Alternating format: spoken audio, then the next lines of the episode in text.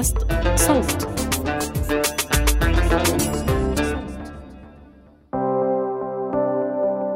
مرحبا بتمنى تكونوا بخير. اشتقنا لكم واشتقنا لإنتاج حلقات جديدة من ماتريوشكا مثل ما وعدناكم بموسمنا الثاني رح ناخدكم على عالم جديد. بس من هون لوقتها مش هين لي ما أشارك معكم موسم جديد من بودكاست شرايط بنروي فيه رسائل كتبها المفكر والمعارض السوري ياسين الحاج صالح لمرته سميرة الخليل.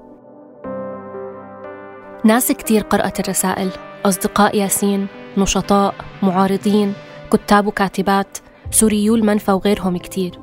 بس اللي بيقهر إنه الإنسان الوحيد اللي بيخاطبها ياسين بالرسائل الإنسان الوحيد اللي متوقع منها ترد لهلأ ما ردت. وعلى الأغلب لهلأ ما قرأت. لأنه سميرة الخليل اللي انكتبت لها الرسائل مخطوفة قسريا من 2013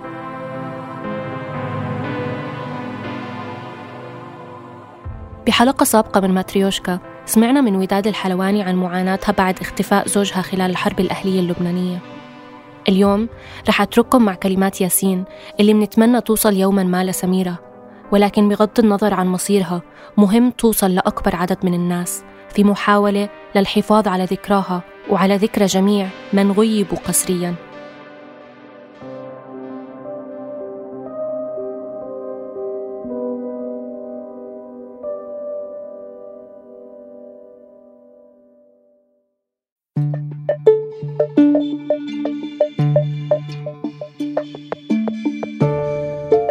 رسائل إلى سميرة.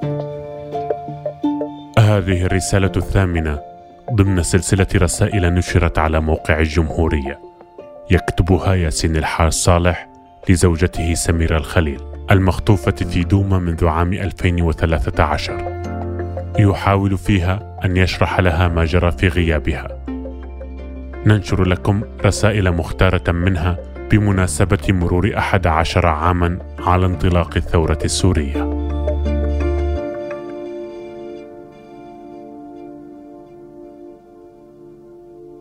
استمع لأغنيتك المفضلة. يا فجر لما تطل بصوت نهاوند. وأفكر بك.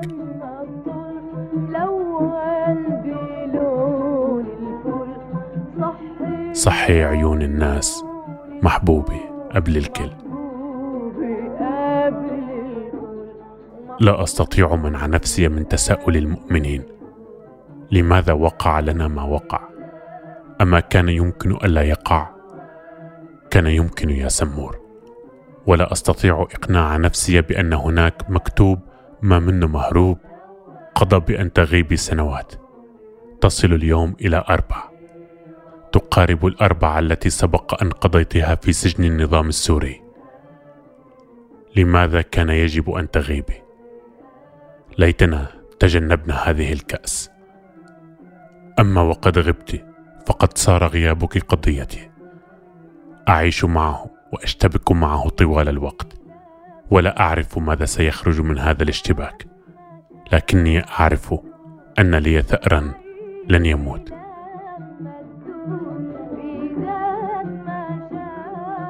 بالحي لما تزور بيدك مشاعل نور. في غيابك أعرف يا سمور أنه ليس هناك حل غير مواصلة العمل. أعرف أن هذا هو الصحيح لكني لا أجد راحة في هذا الصحيح. الصحيح هو أنه ليس هناك حل لغيابك وليس هناك عمل ممكن يملأ فراغ الغياب. الصحيح الصحيح هو أن تعودي البارحة قبل اليوم.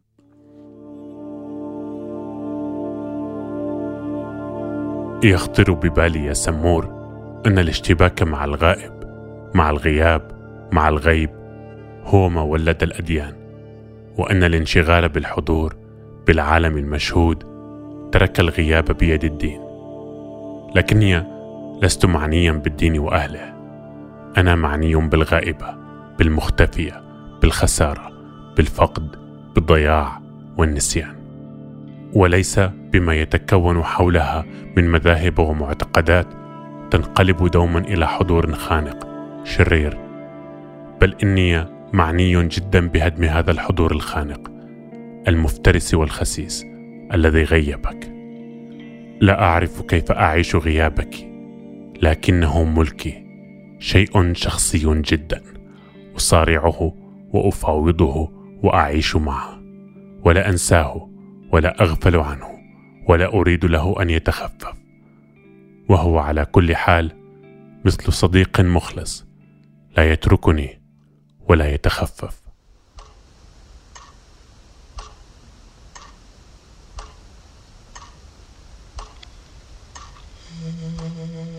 ليس غيابك ملكي لأني أنكر أنه شأن عام ولا يخصني وحدي ولكن لأن العام بحاجة إلى تشكيل جديد مختلف جذريا. يمر عبر قصصنا وسيرنا ومحن حياتنا. وأريد عاما عزيزا يصنعه الأحياء بأسمائهم وملامحهم وصورهم سجونهم ومنافيهم وليس عاما رخيصا يطوف كشبح فوق الحياة والأحياء. العام الذي يقول لي وهذا يحصل للأسف. وهل سميرة هي الوحيدة التي غابت؟ وهل أنت الوحيد الذي خسر؟ هذا العام لا أريده. أريد عاما يرى بعيون كثيرة نقيم فيه ونتعرف فيه على أنفسنا وليس عاما أعمى نعيش فيه غرباء ولا يكون بخير إلا إذا كنا مطموسي الملامح والحواس والأسماء.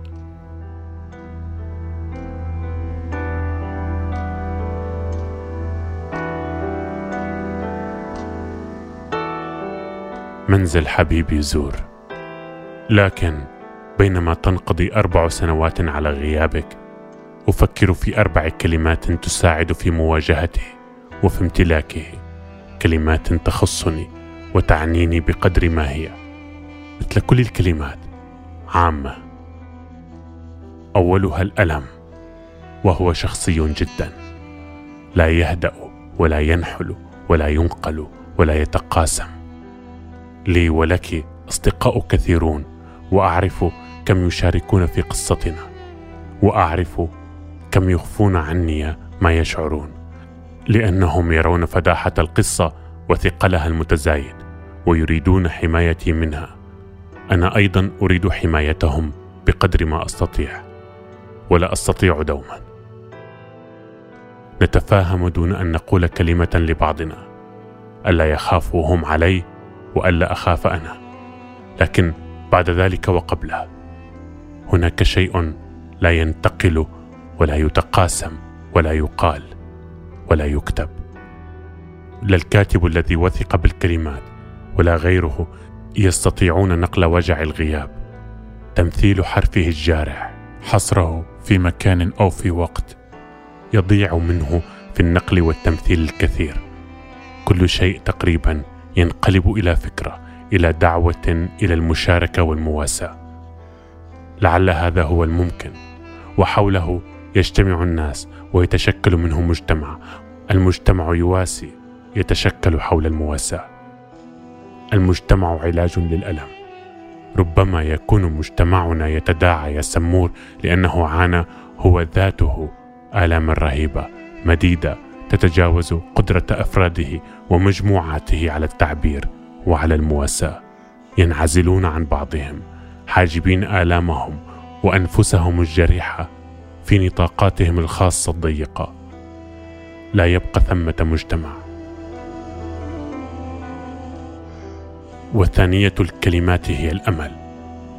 تعرفين أني تطعمت ضد اليأس في السجن لكن هذا لا يعني بالضرورة قوة الأمل بل امتلاك حد أدنى منه.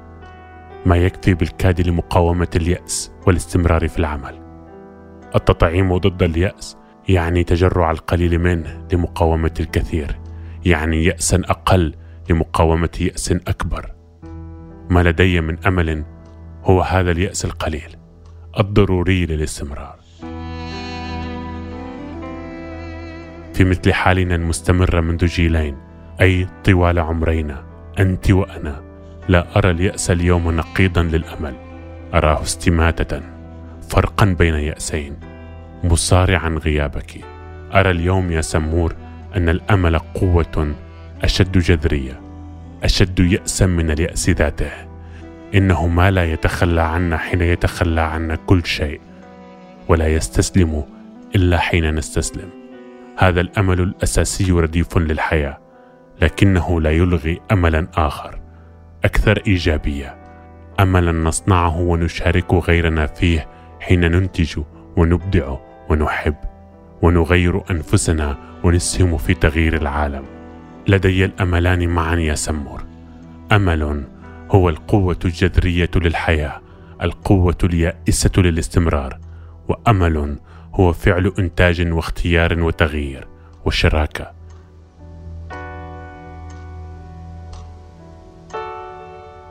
غيابك. غذى عندي الأملين معا. الأمل اليائس الذي هو تطعيم ضد اليأس. والأمل الآمل الذي يخلق الجديد. المبدع. الساعي ابدا من أجل التغيير. الأمل الجذري الذي لا يموت. والأمل الثوري الذي يفعم الحياة بالجديد. والحرية والمعنى. قلبي معه موعود. وثالثة الكلمات هي العمل. تتذكرين كم كنت أحب أن أشتغل لكن هذا العمل هو ترياق اليوم في غيابك يا سمور وهو ادواتي لصنع الأمل. به أصارع غيابك وبه أحاول تملك هذا الغياب. حصل أن فكرت أن صمتا لا ينتهي بغير عودتك هو وحده ما كان يمكن أن أعاقب به نفسي على أسوأ خطأ في حياتي. تلك الرحلة إلى الرقة مساء العاشر من تموز عام 2013 أن أضحي بكلماتي كلها وهي كل عملي على باب غيابك. أن أتوقف عن الكتابة نهائيا. لكن ليس لأني لم أتجاسر على اتخاذ هذا القرار لم أتوقف. ولكن لأن التوقف عن الكتابه يبدو مثل تخل عن السلاح في وسط معركة. الكتابة لا تساعدني على الدفاع عنك فقط أو على الاستمرار في الصراع أو على الحياة نفسها ولكنها ربما تساعد غيري في وضع مماثل على تحمل ما لا يحتمل.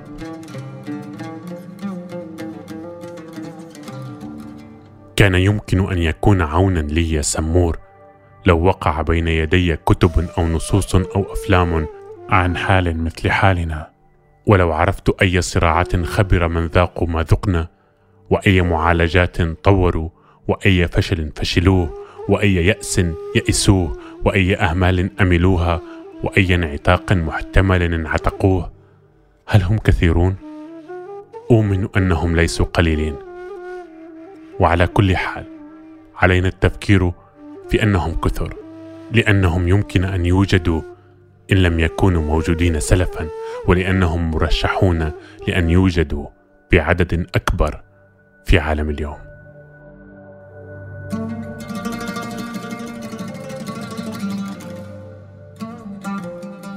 خايف مليله يعود وما يعود حبيبه يهل.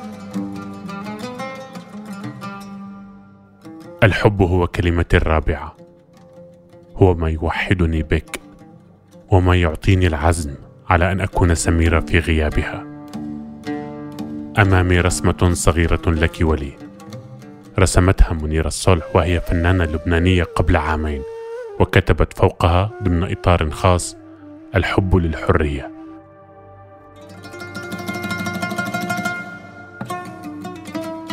وجدت في قصتنا إلهاما يتصل بالحب والحرية.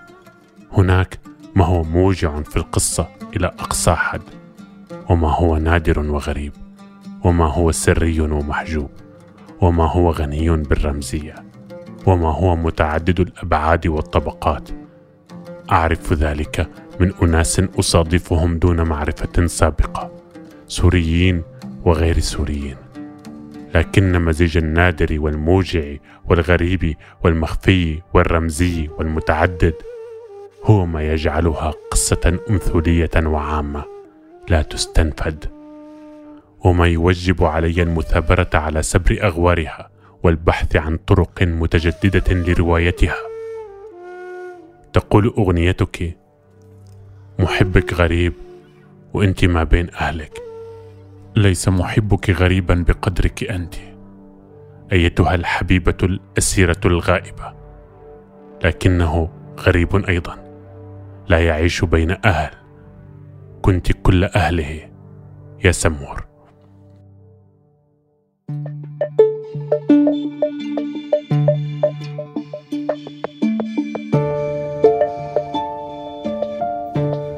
روي هذا العمل بصوت أحمد قطليش. كنا معكم من فريق التحرير عمر فارس ومن المونتاج محمود أبو ندى.